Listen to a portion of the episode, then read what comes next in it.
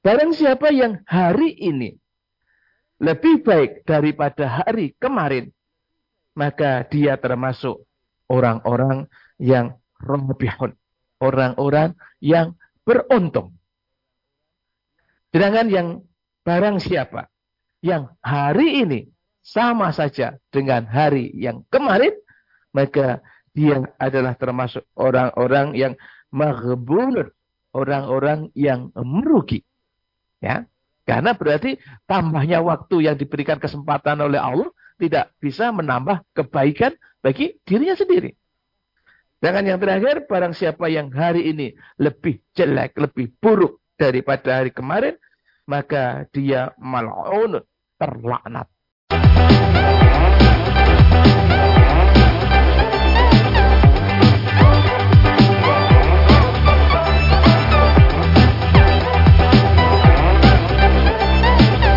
Bismillahirrahmanirrahim. Assalamualaikum warahmatullahi wabarakatuh. Saudaraku pemirsa MTA TV di mana pun Anda berada, puji syukur Alhamdulillah senantiasa kita panjatkan kehadirat Allah Subhanahu wa Ta'ala atas karunia nikmat yang senantiasa diberikan kepada kita sehingga di pagi hari ini ya pemirsa kita bisa bertemu kembali dalam program unggulan MTA TV yakni Fajar Hidayah. Pemirsa, tidak terasa kita sudah berada di hari terakhir tahun 2022 ya.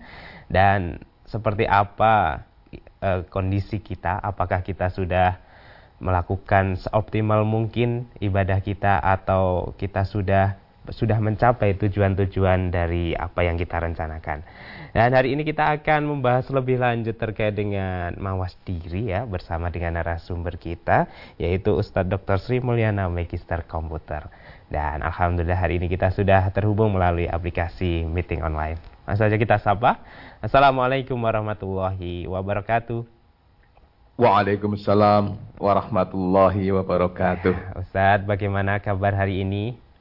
Alhamdulillah dalam kebaikan semuanya Mas Wahid. Saya berharap dan berdoa semoga seluruh warga Majelis Tafsir Al-Quran, pemirsa MTA TV dan pendengar Bersabda FM di mana pun berada selalu dalam kebaikan. Amin. amin ya Rabbal Alamin. Amin. Semoga kebaikan selalu mengiringi kita ya Ustaz ya. Betul, Baik, di pagi hari ini mawas diri akan kita lanjutkan ya Ustaz ya. Melanjutkan tema pada ming, ha, Sabtu kemarin ya Ustaz ya. Dan Insya Allah. Nanti untuk para pemirsa bisa ikut bertanya atau mungkin berdiskusi bersama kita. Silahkan disampaikan melalui pesan SMS di 0811 255 atau nanti para pemirsa bisa menyampaikan secara langsung melalui line telepon 0271 679 Baik Ustaz, untuk mengawali kebersamaan kita, kita persilahkan untuk penjelasan lebih lanjutnya terkait dengan tema hari ini. Terima kasih. Bismillahirrahmanirrahim. Assalamualaikum warahmatullahi wabarakatuh. Alhamdulillah, alhamdulillahilladzi arsala rasulahu bil huda wa dinil haqq liyudhira ala dini kullih wa kafa billahi syahida. Alhamdulillahirabbil alamin. Segala puji bagi Allah yang Maha Kasih sayang kepada seluruh hambanya. Saudara-saudaraku kaum muslimin, muslimat, para pemirsa MTA TV dan pendengar Persada FM di mana pun berada.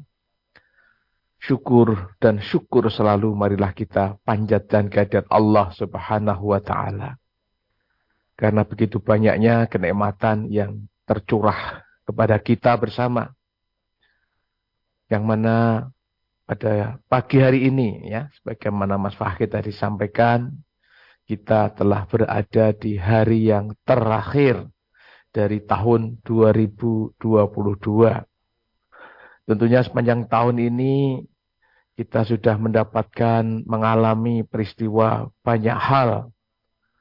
Oleh karena itu, hal yang positif pada diri kita, marilah kita selalu bermuhasabah, selalu mawas diri, selalu introspeksi terhadap diri kita, terhadap apa-apa yang sudah kita kerjakan atau belum kita kerjakan di waktu-waktu yang lalu, tentunya dengan tujuan untuk lebih meningkatkan lagi amal ibadah kita di waktu-waktu yang akan datang. Sebagaimana minggu yang lalu sudah kita bahas, yang pertama adalah kesadaran bahwa diri kita ini adalah hamba ciptaan Allah yang diciptakan di dunia ini memiliki suatu tugas, memiliki suatu misi yang khusus oleh Allah yaitu menghambakan diri kepadanya kepada Allah Subhanahu wa taala. Ya, diawali dengan kemarin kita bahas juga pernyataan atau syahadah kita bahwa kita menyatakan la ilaha illallah. Tidak ada Tuhan yang pantas untuk disembah kecuali hanya Allah. Ini adalah fondamen bagi akidah kita bersama. Pernyataan ini membawa konsekuensi kepada kita bersama untuk selalu tunduk dan patuh dengan sungguh-sungguh mengamalkan, menjalankan setiap apa yang Allah perintahkan dan menjauhkan diri dan menghindarkan dari setiap apa yang dilarang oleh Allah. Wa asyhadu anna Muhammadar Rasulullah dan saya bersaksi bahwa Rasul Muhammad sallallahu alaihi wasallam adalah sebagai Rasulullah, sebagai utusan Allah, sebagai yang mendapatkan tugas dari Allah untuk membimbing, membina, ya, memberi petunjuk ke jalan keselamatan terhadap seluruh umat manusia sampai akhir zaman. Tentunya konsekuensi kedua dari ini adalah kita selalu etiba terhadap apa-apa yang dikerjakan Rasulullah dalam peribadatan kepada Allah dalam rangka menegakkan akidah la ilaha illallah tadi. Ya. Saudaraku yang dirahmati Allah, when sudah kita bahas bahwa sebagai bentuk manifestasi keislaman kita, ya, keimanan kita yang membedakan imannya seseorang adalah as-salat. Maka sholat ini mari betul juga menjadi fokus perhatian kita bersama. Yang pertama, sudahkah sholat kita benar menurut contoh Rasulullah Sallallahu Alaihi Wasallam? Sebagaimana Rasulullah sabdakan solu kama ro'aitu muni usolli. Ya, solatlah sebagaimana engkau melihat aku solat. Maka Alhamdulillah pelajaran-pelajaran tentang solat di majelis tafsir Al-Quran ini sudah diulangi berkali-kali. Dicetak brosurnya berkali-kali. Diterbitkan buku tuntunan solat. Sebagai apa? Sebagai pedoman. Bagi kita bersama untuk melihat bagaimana tata cara Rasulullah menjalankan solat mulai dari takbiratul ikram sampai nanti salam. Semuanya diatur secara rapi sekali. Ya, bahkan yang terakhir secara berturut-turut diterbitkan 23 jilid, 23 terbitan brosur. Nah, maka mari ilmu yang sudah ada pada kita ini betul-betul kita manfaatkan. Kita fahami, kita pelajari dan kita amalkan dengan sungguh-sungguh sehingga amal ibadah kita betul-betul amal ibadah yang diterima oleh Allah Subhanahu wa taala. Kemudian efek atau dampak dari sholat itu juga perlu kita lihat bagi diri kita. Apakah dengan sholat itu sudah menenteramkan hati kita dalam kehidupan sehari-hari ini? Ya, Karena apa? Karena Allah sendiri menjanjikan kepada kita bersama allazina amanu ya auzubillahi minasyaitonirrajim allazina amanu wa tatmainul qulubum bi dzikrillah alla bi dzikrillah tatmainul qulub yaitu orang-orang yang beriman. Maka hati mereka menjadi tentram, tenang dengan mengingati Allah. Ingatlah, hanya dengan mengingati Allah lah hati akan menjadi tentram. Sedangkan asolat adalah zikrul akbar. Ya. Tata cara atau media sarana mengingati Allah yang paling agung, paling besar adalah dengan salat. Maka betul mari kita teliti. Ya, kalau hidup kita masih hidup yang tidak tenang, banyak sekali rasa gundah, gulana, gelisah, ya dan sebagainya. Maka yang pertama mari kita cek, kita teliti adalah bagaimana sholat kita. Jadi hanya tidak hanya sekedar sebagai penggugur kewajiban. Sholat adalah sebagai kebutuhan kita dalam berwajah, dalam berkomunikasi dengan al-khaliq kita, yaitu Allah subhanahu wa ta'ala. Ya, ini dampak yang perlu kita lihat pada diri kita. Kemudian, sudahkah sholat kita juga mengontrol akhlak, mengontrol perbuatan, mengontrol tingkah laku kita sehari-hari. Ya, untuk selalu berada dalam kebenaran. Karena as-sholah adalah dapat mencegah dari perbuatan faksa dan mungkar. Inna sholata tanha anil fahsyai wal mungkar. Ya. Kemudian dengan sholat kita apakah sudah mengontrol etikot kita untuk selalu menguatkan tauhid tadi ya. Untuk tidak terkencong ya keimanan kita dari hal-hal yang yang dilarang dalam agama ini. Selanjutnya, saudara-saudaraku yang dirahmati oleh Allah, hal yang penting adalah juga bagaimana hubungan kita dengan kerabat-kerabat dekat. Utamanya, utamanya adalah kepada kedua orang tua kita. Bersyukurlah saudara-saudaraku yang saat ini masih ditunggui oleh orang tua kita. Maka ada kewajiban bagi kita bersama untuk selalu berbakti, ya, berbuat baik kepada kedua orang tua kita. Bahkan Allah menempatkan berbakti kepada orang tua adalah setelah disebut setelah berbakti kepada Allah dan uh, Sang Maha Pencipta. Rabbuka ala ta'budu illa iyyahu wa bil walidaini ya surat Al-Isra ayat 23. Dan Allah mewajibkan memerintahkan kamu itu untuk selalu berbuat baik ya. Untuk selalu menghambakan diri kepada Tuhanmu kepada Allah. Dan setelah itu wabil walidaini ihsana. Selalu berbuat baik kepada kedua orang tua. Ya. Oleh karena itu hal ini mari menjadi perhatian kita juga bersama. Ya. Sudahkah kita betul-betul memperhatikan ya segala kebutuhan orang tua kita? Ya, berbuat baik kepada kedua orang tua kita.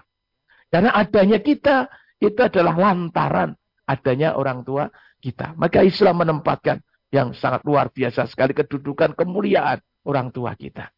Ya, sampai-sampai ketika orang tua sudah menjadi pemeliharaan kita, artinya sudah ikut kepada kita kita yang bertanggung jawab untuk segala kebutuhannya, kita pun dilarang. Ya, menyampaikan atau bermuka masam sampai-sampai mengeluarkan kata-kata kasar. Ah, hus itu sangat dilarang dalam agama Islam gitu. Ya, ini tuntunan yang sangat mendasar dalam Islam. Ya. Oleh karena itu, saudara-saudaraku, kita perlu ingat juga apa yang disabdakan Rasulullah. Ya, sungguh sangat merugi sekali. Sangat merugi sekali, sangat merugi sekali. Siapa ya Rasulullah? Ketika memiliki kedua orang tua dan dalam pemeliharaannya gitu ya. Karena orang tua itu suatu saat akan semakin lemah, semakin lemah begitu. Ya kembali kalau kecil kita kita yang memelihara orang tua suatu saat orang tua akan menjadi tanggung jawab anak.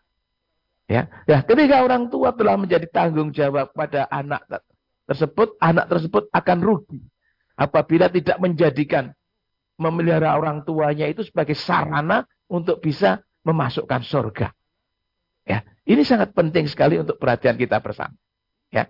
Jadi birrul walidain ya, berbuat baik kepada kedua orang tua. Ya. Walaupun ya karena tadi yang paling utama adalah berbuat baik kepada Allah ya, beribadah kepada Allah dan kepada orang tua yang berikutnya.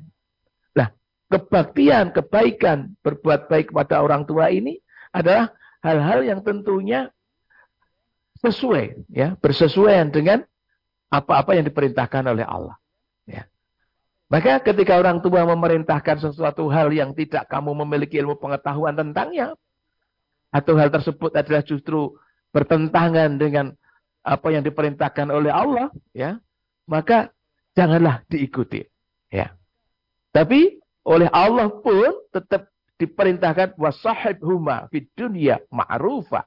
Ya, pergaulilah, tetap bergaul dengan cara yang baik. Ya.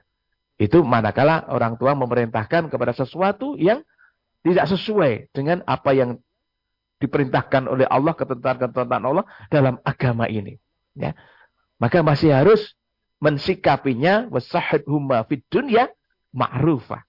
Ini penting sekali untuk menjadi apa namanya pedoman bagi kita bersama.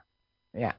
Yang selanjutnya, saudara-saudaraku, tanggung jawab sosial juga kemasyarakatan. Ya, yang paling dekat bagaimana hubungan baik dengan tetangga. Ya, mangkana yu'minu billahi wa bil yaumil akhiri ya, fal yukrim jarahu ya. Barang siapa yang beriman kepada Allah dan hari akhir, maka dia menghormati tetangganya. Karena tetangga ini adalah orang yang mungkin pertama sekali akan menolong kita manakala kita butuh pertolongan. Ya, ya secara fisik bisa datang, ya. Bahkan oleh Rasulullah, ya, sampai-sampai beliau sabdakan, ya, seolah-olah tetangga itu bisa mewarisi, seolah-olah.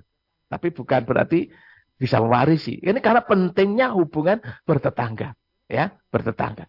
Ya, ini mari kita jalin dengan baik, bermasyarakat, bertetangga, ya. Kita tunjukkan buah dari ibadah, buah dari sholat, tadi berakhlakul karimah itu juga ditunjukkan dalam kehidupan dalam sehari termasuk dalam bertetangga.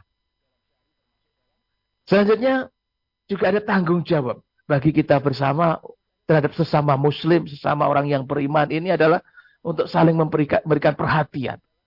Untuk saling menolong. Untuk saling mengingatkan. Ya. Karena Allah juga firmankan ya wa minkum ummatan ilal khair wa ta'muruna bil ma'ruf wa tanhauna 'anil munkar al ayat. Dan kamu sekalian ini adalah umat terbaik yang diciptakan oleh Allah ya manakala melaksanakan dua fungsi pokok dalam hidup ini adalah ta'muruna bil ma'ruf ya, selalu memerintahkan hal-hal yang baik wa yanhauna 'anil munkar dan bisa mencegah dari seluruh perbuatan-perbuatan yang kurang baik, yang tidak baik. Manakala prinsip-prinsip Islam ini, saudaraku, ditegakkan dalam kehidupan sehari-hari, maka betapa indahnya kehidupan sesama muslim, sesama bangsa, ya yang sesama manusia hidup di muka bumi ini betapa sangat harmonisnya ya. Dalam hal keyakinan pun Islam sudah memberikan ketetapan yang sangat tegas lakum dinukum waliyadin ya bagiku agamaku bagimu agamamu marilah kita melaksanakan agama kepercayaan masing-masing tidak saling mengganggu terhadap pelaksanaan uh, ibadah masing-masing itulah prinsip-prinsip yang sangat luar biasa yang ditegakkan dalam Islam Ya. Ini adalah uh, tanggung jawab ya sesama manusia di muka bumi ini. Ya, jadi menciptakan perdamaian di muka bumi. Ya. Saudara-saudaraku yang dirahmati oleh Allah. Tanggung jawab untuk saling amar ma'ruf nahi mungkar. Ya, saling mengajak kepada kebaikan dan mencegah dari hal-hal yang mungkar ini melekat pada diri kita bersama masing-masing kaum muslimin, muslimat, mukminin, mukminat di mana pun berada. Ya, karena memang harus selalu diingatkan di antara kita bersama ini ya. Selalu memberikan nasihat yang baik satu dengan yang lain. Dikatakan oleh Rasulullah bahwa ad-dinu nasihah. Agama ini adalah nasihat. Oleh karena itu mari betul-betul ini menjadi hal yang perlu kita perhatikan bersama ya sehingga apa yang kita kerjakan ini betul-betul memenuhi ketentuan, memenuhi harapan dan memenuhi apa yang mestinya dilakukan kita bersama sebagai hamba Allah bahwa seluruh aspek kehidupan kita ini adalah dalam rangka beribadah kepada Allah. Ya, sekali lagi bahwa ibadah tidak hanya terbatas ibadah yang mahdoh saja, Bahkan kaum muslimin muslimat di mana pun berada bisa seluruh aspek hidupnya itu bisa menjadi bentuk peribadatan kepada Allah.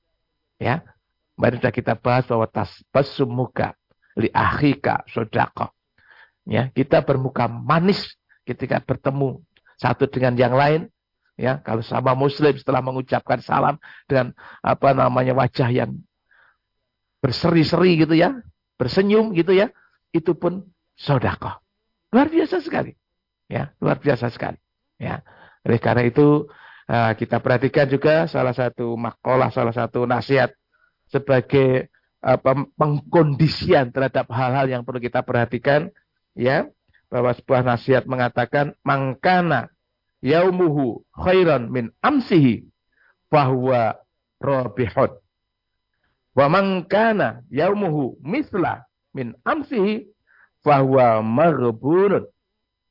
Wa man kana yaumuhu sarran min amsihi bahwa mal'unun.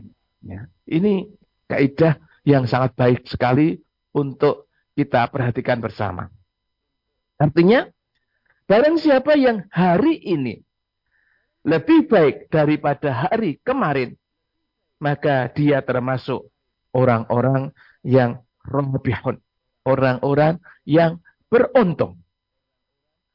Sedangkan yang barang siapa yang hari ini sama saja dengan hari yang kemarin, maka dia adalah termasuk orang-orang yang maghbunun, orang-orang yang merugi. Ya. Karena berarti tambahnya waktu yang diberikan kesempatan oleh Allah tidak bisa menambah kebaikan bagi dirinya sendiri. Dengan yang terakhir, barang siapa yang hari ini lebih jelek, lebih buruk daripada hari kemarin, maka dia mal'unun, terlaknat. Ya. Kaidah ini mari menjadikan kita untuk bisa berkaca, melihat. Bahkan sebetulnya muhasabah, mawas diri itu tidak harus menunggu momentum akhir tahun, momentum-momentum yang lama, bahkan harus setiap saat. Kalau dalam makalah ini disebut sebagai hari ini lebih baik hari yang kemarin. Maka menurut sahabat Salman Al-Farisi. Itu sudah terlalu lama. Ada yang mengatakan tahun ini lebih baik dari tahun kemarin. Bulan ini lebih baik dari bulan kemarin. Minggu ini lebih baik dari minggu kemarin. Hari ini lebih baik dari hari kemarin. ya Bahkan bisa diperkecil bahwa jam ini lebih baik dari jam yang tadi. Bisa lebih kecil-kecil lagi. ya Menit ini lebih kecil dari menit yang telah lewat. Ya, bisa diperkecil lagi adalah setiap denyut nadi kita yang baru ini harus menghasilkan kebaikan bagi diri kita bersama. Ya, kalau kita bisa manage ya kehidupan kebaikan ini adalah mudah-mudahan sekali lagi sebagaimana yang difirmankan Allah tugas kita adalah hanya menghambakan diri kepada Allah betul-betul insya Allah kita bisa jalani dengan baik sekali. Marilah saudara-saudaraku kita memiliki program, kita memiliki target yang lebih baik di tahun-tahun yang akan datang. Ya, tahun 2023 yang tinggal beberapa jam lagi kita akan memasukinya. Marilah kita menggunakan momen ini justru sebagai momen untuk melihat diri kita.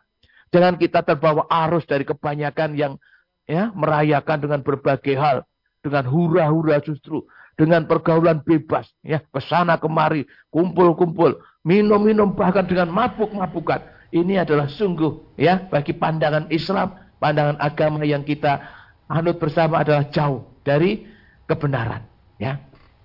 Karena apa? Hakikatnya tambahnya umur itu adalah sudah dikurangi satu lagi, ya, satu tahun lagi. Itulah kalau kita pandang sebagai sebuah tahun adalah jatah target hidup kita itu sudah mulai berkurang lagi. Oleh karena itu semakin mendekati kubur hakikatnya pergaulan tahun ini.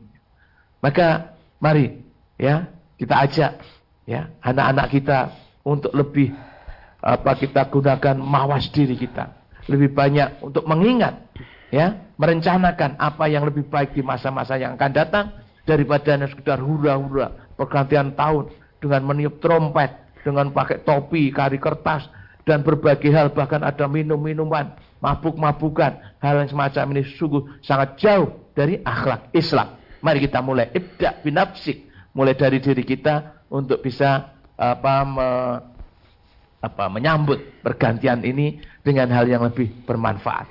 Ya salah satu juga ayat mengatakan bahwa sifat orang yang beriman itu ah, Qad aflahal mu'minun ya alladzina fi sholatihim khashi'un waladzinahum 'anil lagwi mu'ridun. Ya, sungguh beruntunglah orang-orang yang beriman. Siapa mereka? Salah satunya ya beberapa sifat itu adalah orang yang khusyuk dalam sholatnya dan orang-orang yang menjauhkan diri dari perbuatan-perbuatan yang lagu, perbuatan-perbuatan yang melampaui batas, perbuatan-perbuatan yang justru menjauhkan diri dari kebenaran, menjauhkan diri dari kedekatan kita ingat kita kepada Allah. Maka, maka mari kita lebih banyak mengingati Allah, dengan lebih banyak berzikir, dengan melaksanakan seluruh ibadah-ibadah yang benar-benar hal tersebut dituntunkan dalam agama kita. Semoga tahun 2023 lebih baik dari tahun 2022 dan kita memasuki tahun 2023 dengan banyak sekali apa namanya program-program yang lebih meningkatkan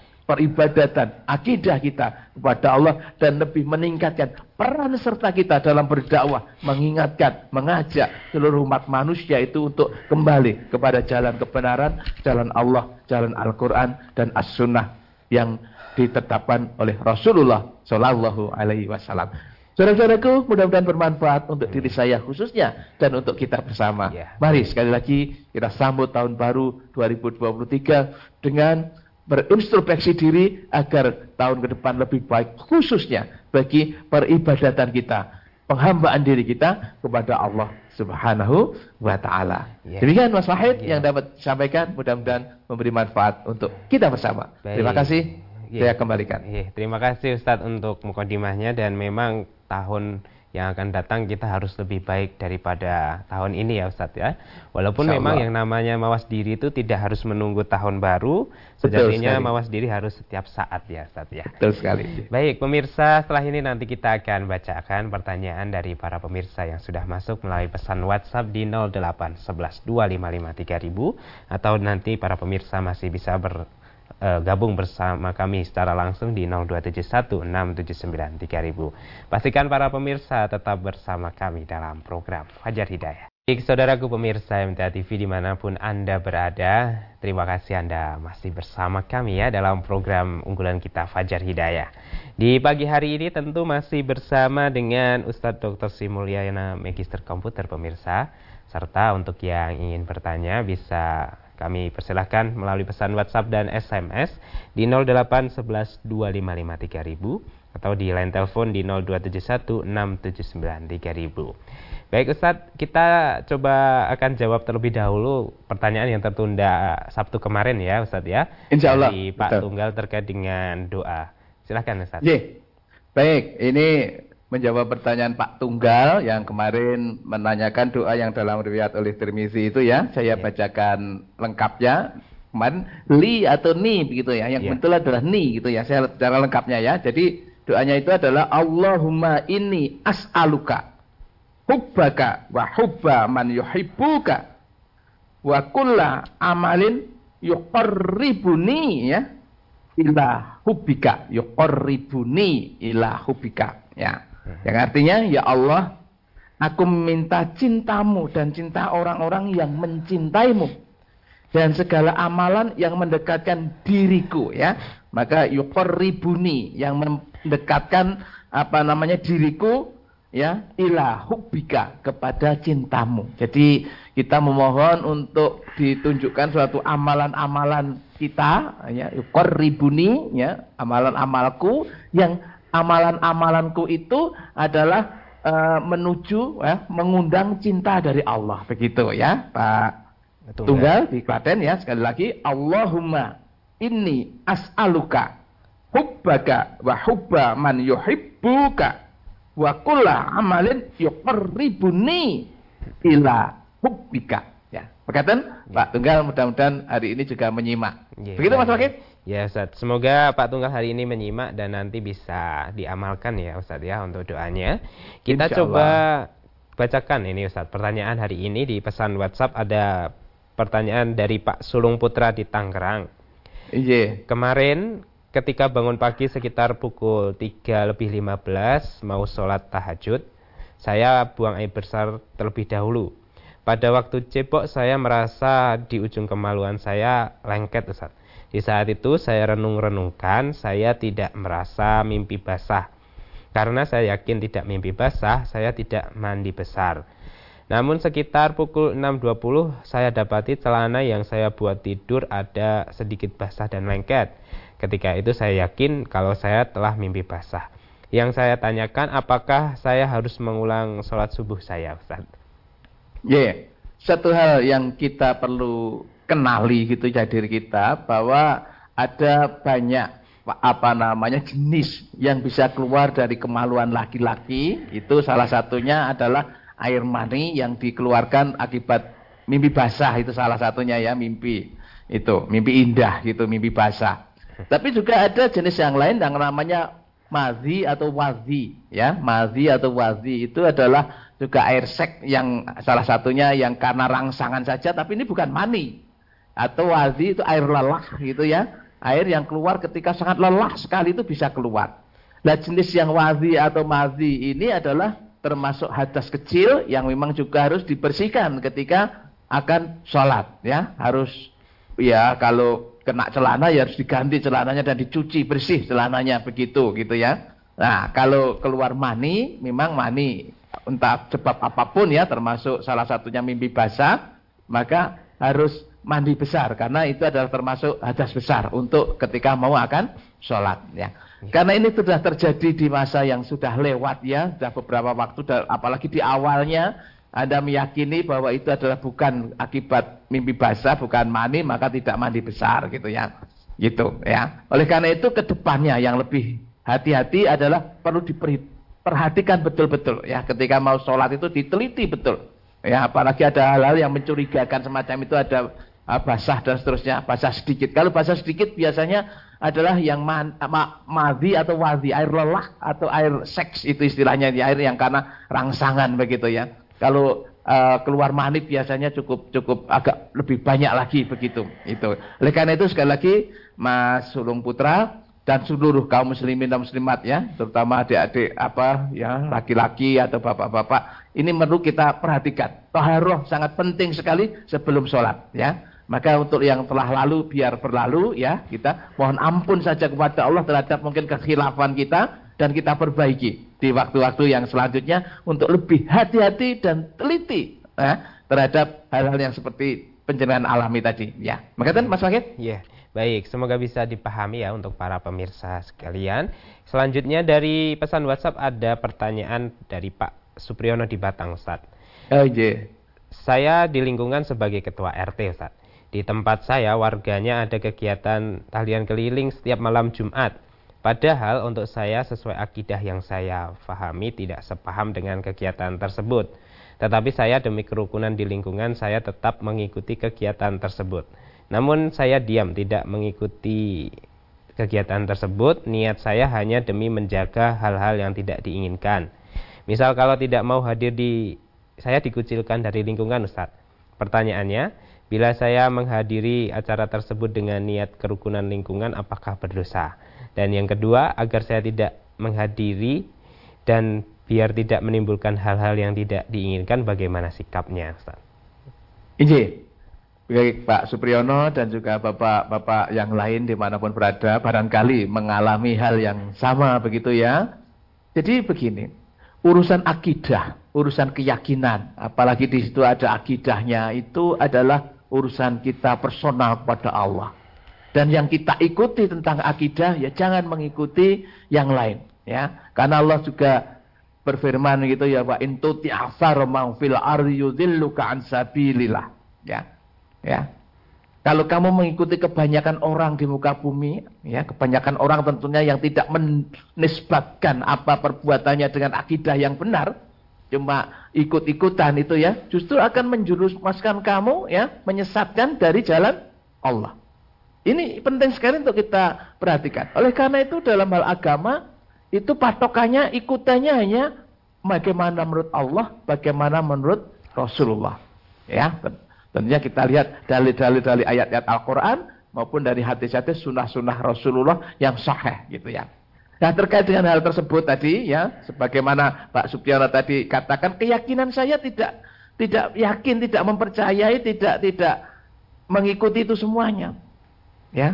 Tapi ketakutannya bagaimana nanti kalau dianggap tidak rukun dalam masyarakat. Sebetulnya ada suatu cara yang kita apabila kita sampaikan dengan terus terang dan tegas, nyuwun gitu kalau orang Jawa, mohon maaf ya, sesuai dengan akidah yang saya yakini bahwa kegiatan semacam ini adalah kami, saya gitu ya, tidak meyakini dan ini memang belum kami dapati sebagai ibadah yang dituntunkan dalam agama. Oleh karena itu dengan sangat hormat saya mohon untuk tidak mengikuti kegiatan ini. Bagi bapak-bapak yang tetap mengikuti, karena itu adalah sesuai dengan keyakinan bapak-bapak semuanya, monggo silakan.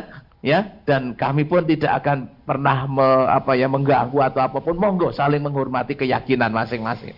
Ya, itu dikomunikasikan baik, insya Allah ya, insya Allah ya, hal-hal yang semacam ini bisa bisa bisa diterima, asalkan dikomunikasikan dengan baik. Tentunya Pak Supriyono, ya untuk hal-hal yang kita tidak yakini dan kita akhirnya tidak ikut di masyarakat tersebut, ya betul-betul kita tegakkan. Tapi sisi lain, hal-hal yang positif, hal-hal yang agama mengizinkan, agama membolehkan, kita mari tampil di depan. Misalnya apa?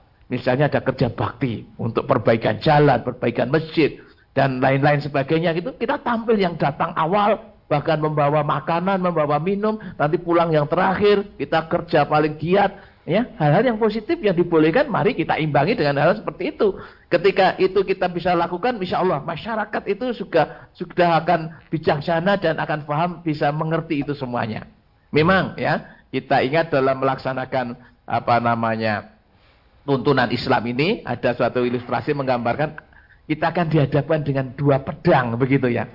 Pedang itu suatu resiko ya. Satu pedang dari Allah, pedang dari manusia. Ada yang hal-hal yang kita bisa terselamatkan keduanya untuk hal-hal yang memang Allah ya tuntunkan, Allah ajarkan, Allah perintahkan dan itu disukai oleh manusia. Ya, ketika kita berbuat baik, kita bersedekah, kita apa namanya membantu sesama itu semuanya suka bebas semuanya oke okay.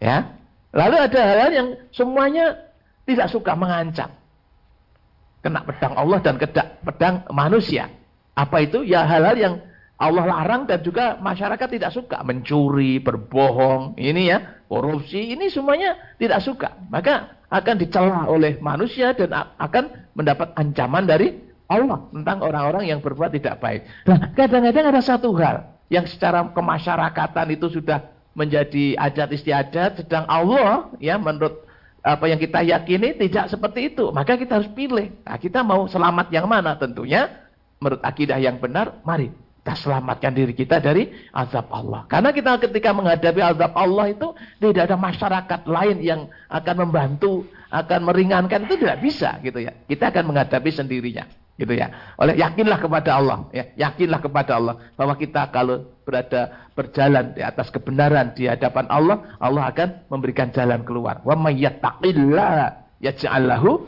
makhraja. Barang siapa yang bertakwa kepada Allah, Allah akan memberi jalan keluar. Semuanya bisa dikomunikasikan Pak Supriyono ya, disampaikan ya dengan baik-baiknya. Tapi sekali lagi perlu diimbangi kalau kita hidup ke dalam masyarakatan itu hal-hal yang positif, hal-hal yang apa dibenarkan itu kita tampil lebih dulu misalnya lagi ada kematian di tetangga kita kita tampil datang lebih awal mempersiapkan apa yang dibutuhkan menata kursi ya menata tenda dan sebagainya itu kita pilih hal-hal yang yang memang dibutuhkan dan benar menurut agama kita wallahu a'lam bishawab mudah-mudahan ya. selalu ada jalan pasti itu ya Pak Supriyono di Batang ya, Mas Wakil Baik, kita beralih ke line telepon ya Ustaz ya. Sepertinya ada penelpon di pagi hari ini. Kita terima. Halo, okay. Assalamualaikum. Halo, Assalamualaikum. Halo, Assalamualaikum. Waalaikumsalam warahmatullahi wabarakatuh. Dengan Ibu siapa dan dari mana ini? Ibu Tri Mas Fatahid. Baik, silahkan Ibu, dari pertanyaannya. Iya, terima kasih. Assalamualaikum warahmatullahi wabarakatuh, Ustaz. Waalaikumsalam warahmatullahi wabarakatuh. Ibu sehat, Ibu? Alhamdulillah Ustaz, saat ini yeah. sehat. Soalnya yeah. masih apa? Kontrolnya satu bulan sekali sekarang. Ya, mudah-mudahan Allah tetap beri kesehatan dan tetap istiqomah ya. Monggo Ibu. Amin. Terima kasih doanya Ustaz. Iya, yang saya tanyakan yang pertama yaitu Ustadz, uh, sholat itu kan, uh, wudhu itu kan sahnya sholat. Ya, apabila kita berwudhu, apabila wudhu kita udah sampai tengah-tengah, tengah-tengah apabila pas membasuh tangan atau pas membasuh kepala begitu, lalu kita kentut gitu, buang, eh, saya buang, ya kita kentut begitu, itu apakah wudhu kita diulang apa tidak? Begitu yang pertama. Yang kedua, uh, hasil kebun apa namanya pertanian kayu misalnya kita menjual kayu kayu itu diju, dijualnya kan paling tidak tujuh tahun sampai 8 tahun sampai 10 tahun begitu ya hasilnya itu yang disakatkan itu berapa persen begitu hmm. Mohon tausiahnya. Terima kasih. Wassalamualaikum warahmatullahi wabarakatuh. Waalaikumsalam, Waalaikumsalam warahmatullahi wabarakatuh. Baik. Saya mulai dari yang pertama dulu. Baik, Tadi ketika wudhu di tengah wudhu batal begitu ya? Iya Ustaz. Berarti wudhunya itu belum selesai kita belum dalam keadaan berwudu gitu ya. Oleh karena itu dalam kondisi semacam itu ya kita mulai dari awal lah ya. Berwudu dari apa ya niat wudu ya membaca basmalah itu dan membasuh membasuh itu sampai apa selesai gitu ya.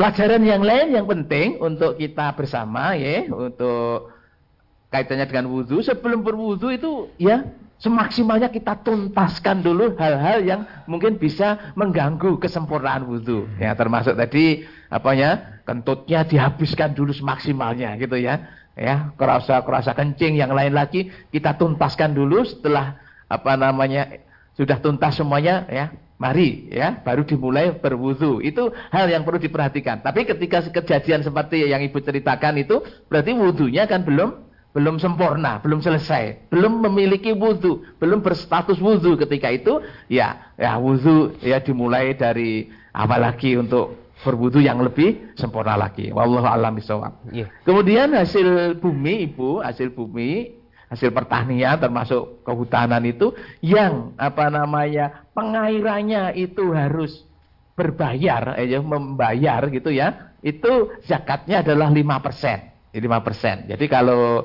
dapat apa namanya satu juta itu berarti berapa itu? Lima per sepuluh persennya kan berarti seratus. ribu lima persennya lima puluh ribu misalnya satu juta ya. Kalau hasil ini adalah pengairannya adalah tidak tidak bayar ya. Pengairannya adalah ada tanda hujan dan sebagainya seperti kayu itu pasti tidak ada pengairan itu ya. Itu zakatnya adalah sepuluh persen ya. Oleh karena itu uh, segala sesuatunya monggo kalau urusan-urusan dengan Allah semacam ini kita faman tatawwa khairan bahwa khairullah begitu. Begitu Ibu ya, mudah-mudahan bisa dipahami. Makatan Ibu, yeah. matur nuwun. Baik. Moga Mas. Semoga okay. bisa dipahami ya untuk Ibu Siti Pacitan ya tadi. Terakhir yang kita bacakan di pesan SMS Ustaz, pertanyaan dari Pak Tri di Purwodadi. Bagaimana orang yang mengaku sudah beriman bisa membedakan perintah atau larangan? Karena kalau tidak ikut acara dengan tidak sesuai tuntunan dianggap tidak mau bertetangga Ustaz. Iya. yeah. Saya rasa ini senada dengan Pak Supriyono tadi ya, hampir mirip gitu ya.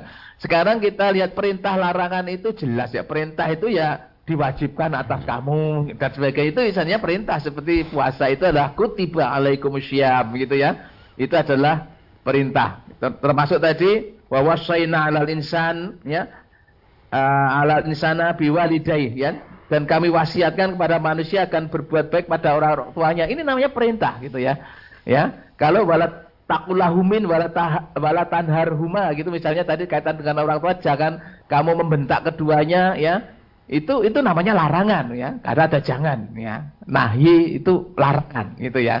Ya larangannya banyak. Larangan menggunjing larangan mencari-cari tajasus mencari-cari salah kepada orang lain ya ada perintah-perintah A, itu seperti itu membedakannya. Saya rasa sangat mudah sekali. Ya, ini kaitannya dengan kehidupan di masyarakat tadi. Ini tahu bahwa ini sebetulnya tidak dituntunkan dalam agama, tapi dalam masyarakat itu menjadi suatu hal yang lazim dikerjakan. Bagaimana? Maka kita kembalikan, ya, bahwa dalam hal ibadah kaidahnya begini ya Pak Tri. Ya, al aslu bil ibadah al itiba. Jadi sumber hukum untuk ibadah itu manusia itu hanya beretiba, hanya mengikut. Mengikut siapa? Tentunya mengikut adalah utusan Allah Rasulullah Muhammad SAW ya. Termasuk juga mengikuti perintah ya. Al aslu fil amri lil wujubi ya. Asal dari perintah itu adalah hukumnya wajib ya. Selama perintah-perintah itu datangnya dari Allah, ya berarti wajib kita kerjakan. Dan uh, yang dicontohkan oleh Rasulullah. Ini kaitannya dengan peribadatan-peribadatan. Ya. Sekali lagi jangan lupa saya tanya dengan ibadah. Ya, jangan ibadah. Kemudian al aslu al ahya al ibaha. Sedangkan yang kaitannya dengan kehidupan dengan duniawi, ya. Sekali lagi ini kadang-kadang uh, salah pemahaman ya. Ini apa kamera saat ini dulu tidak ada ini adalah tidak termasuk yang dituntunkan, tidak termasuk yang Rasulullah kerjakan. Salah, tidak seperti itu pemahamannya. Jadi kaitannya adalah yang kita perhatikan itu adalah hal-hal yang ibadah atau non ibadah. Kalau non ibadah yang muamalah itu adalah uh, semuanya boleh kecuali yang dilarang, yang dilarang, ya larangan. Misalnya tentang makanan saja yang dilarang adalah yang homer ya memabukkan. Kalau yang diharamkan itu adalah apa namanya bangkai ya, darah yang mengalir, daging babi, ya, lalu apa namanya yang disembelih bukan karena Allah gitu ya, itu yang dilarang tidak banyak. Ya. Sedangkan yang dibolehkan sangat banyak sekali, ya, sangat banyak sekali, gitu ya. Lah tentang ibadah, adakah hal ibadah itu dicontohkan oleh Rasulullah? Kalau dicontohkan menurut hadis siapa, nah itu kita harus mendapatkan itu semuanya untuk mendasari pelaksanaan ibadah kita. Ya, karena ada sebuah hadis yang mengatakan man amila amalan laisa alaihi amruna wa ya. Rasulullah bersabda pada siapa melaksanakan suatu amalan yang tidak ada perintah dariku maka dia akan tertolak. Jadi itu kaidahnya. Ya, sebagaimana kalau apa yang terjadi di masyarakat tadi, kita bisa tegas terus terang dengan cara yang yang sopan, yang baik gitu ya. Menyatakan bahwa ketika melakukan hal-hal yang kita tidak yakini, tidak ada tuntunan dalam agama, sedangkan itu menjadi hal kebiasaan yang dilakukan, mohon izin bahwa saya menurut keyakinan yang saya pahami itu tidak ada dalam keyakinan tersebut, maka saya tidak bisa ikut acara-acara tersebut. Ya. Itu insya Allah masyarakat bisa mengerti gitu ya. Tapi sekali lagi harus diimbangi ya Pak Tri, hal-hal lain yang dibolehkan bermasyarakat, kita harus tampil lebih baik gitu ya tampil lebih baik ya di sana. Itu adalah tata cara untuk kita bisa menempatkan diri. Kita tidak bisa dikatakan tidak bermasyarakat ketika itu ya. Mudah-mudahan bisa dipahami dan memberikan apa solusi bagi memang bapak-bapak atau ibu-ibu saudara-saudara semuanya yang kebetulan memiliki hal yang sama dengan apa yang dialami oleh Pak Supriyono di Batam tadi termasuk Pak Tri di Purwodadi. Mari kita beragama hanya karena Allah ya, untuk Allah saja gitu ya, bukan ya. karena ketakut pada manusia. Jangan sampai seperti itu. Maka kan Mas Wakil? Ya Ustaz, terima kasih Ustaz untuk jawabannya dan semoga bisa dipahami untuk para pemirsa Amin. sekalian ya. Amin. Dan tidak terasa Ustaz kita sudah berada di akhir perjumpaan. Terima kasih atas nasihat dan bimbingannya. Jumpa amin. lagi di tahun depan ya Ustaz ya. Insya Allah amin ya Amin. Salam kami untuk rekan-rekan yang ada di Yogyakarta. Assalamualaikum warahmatullahi wabarakatuh.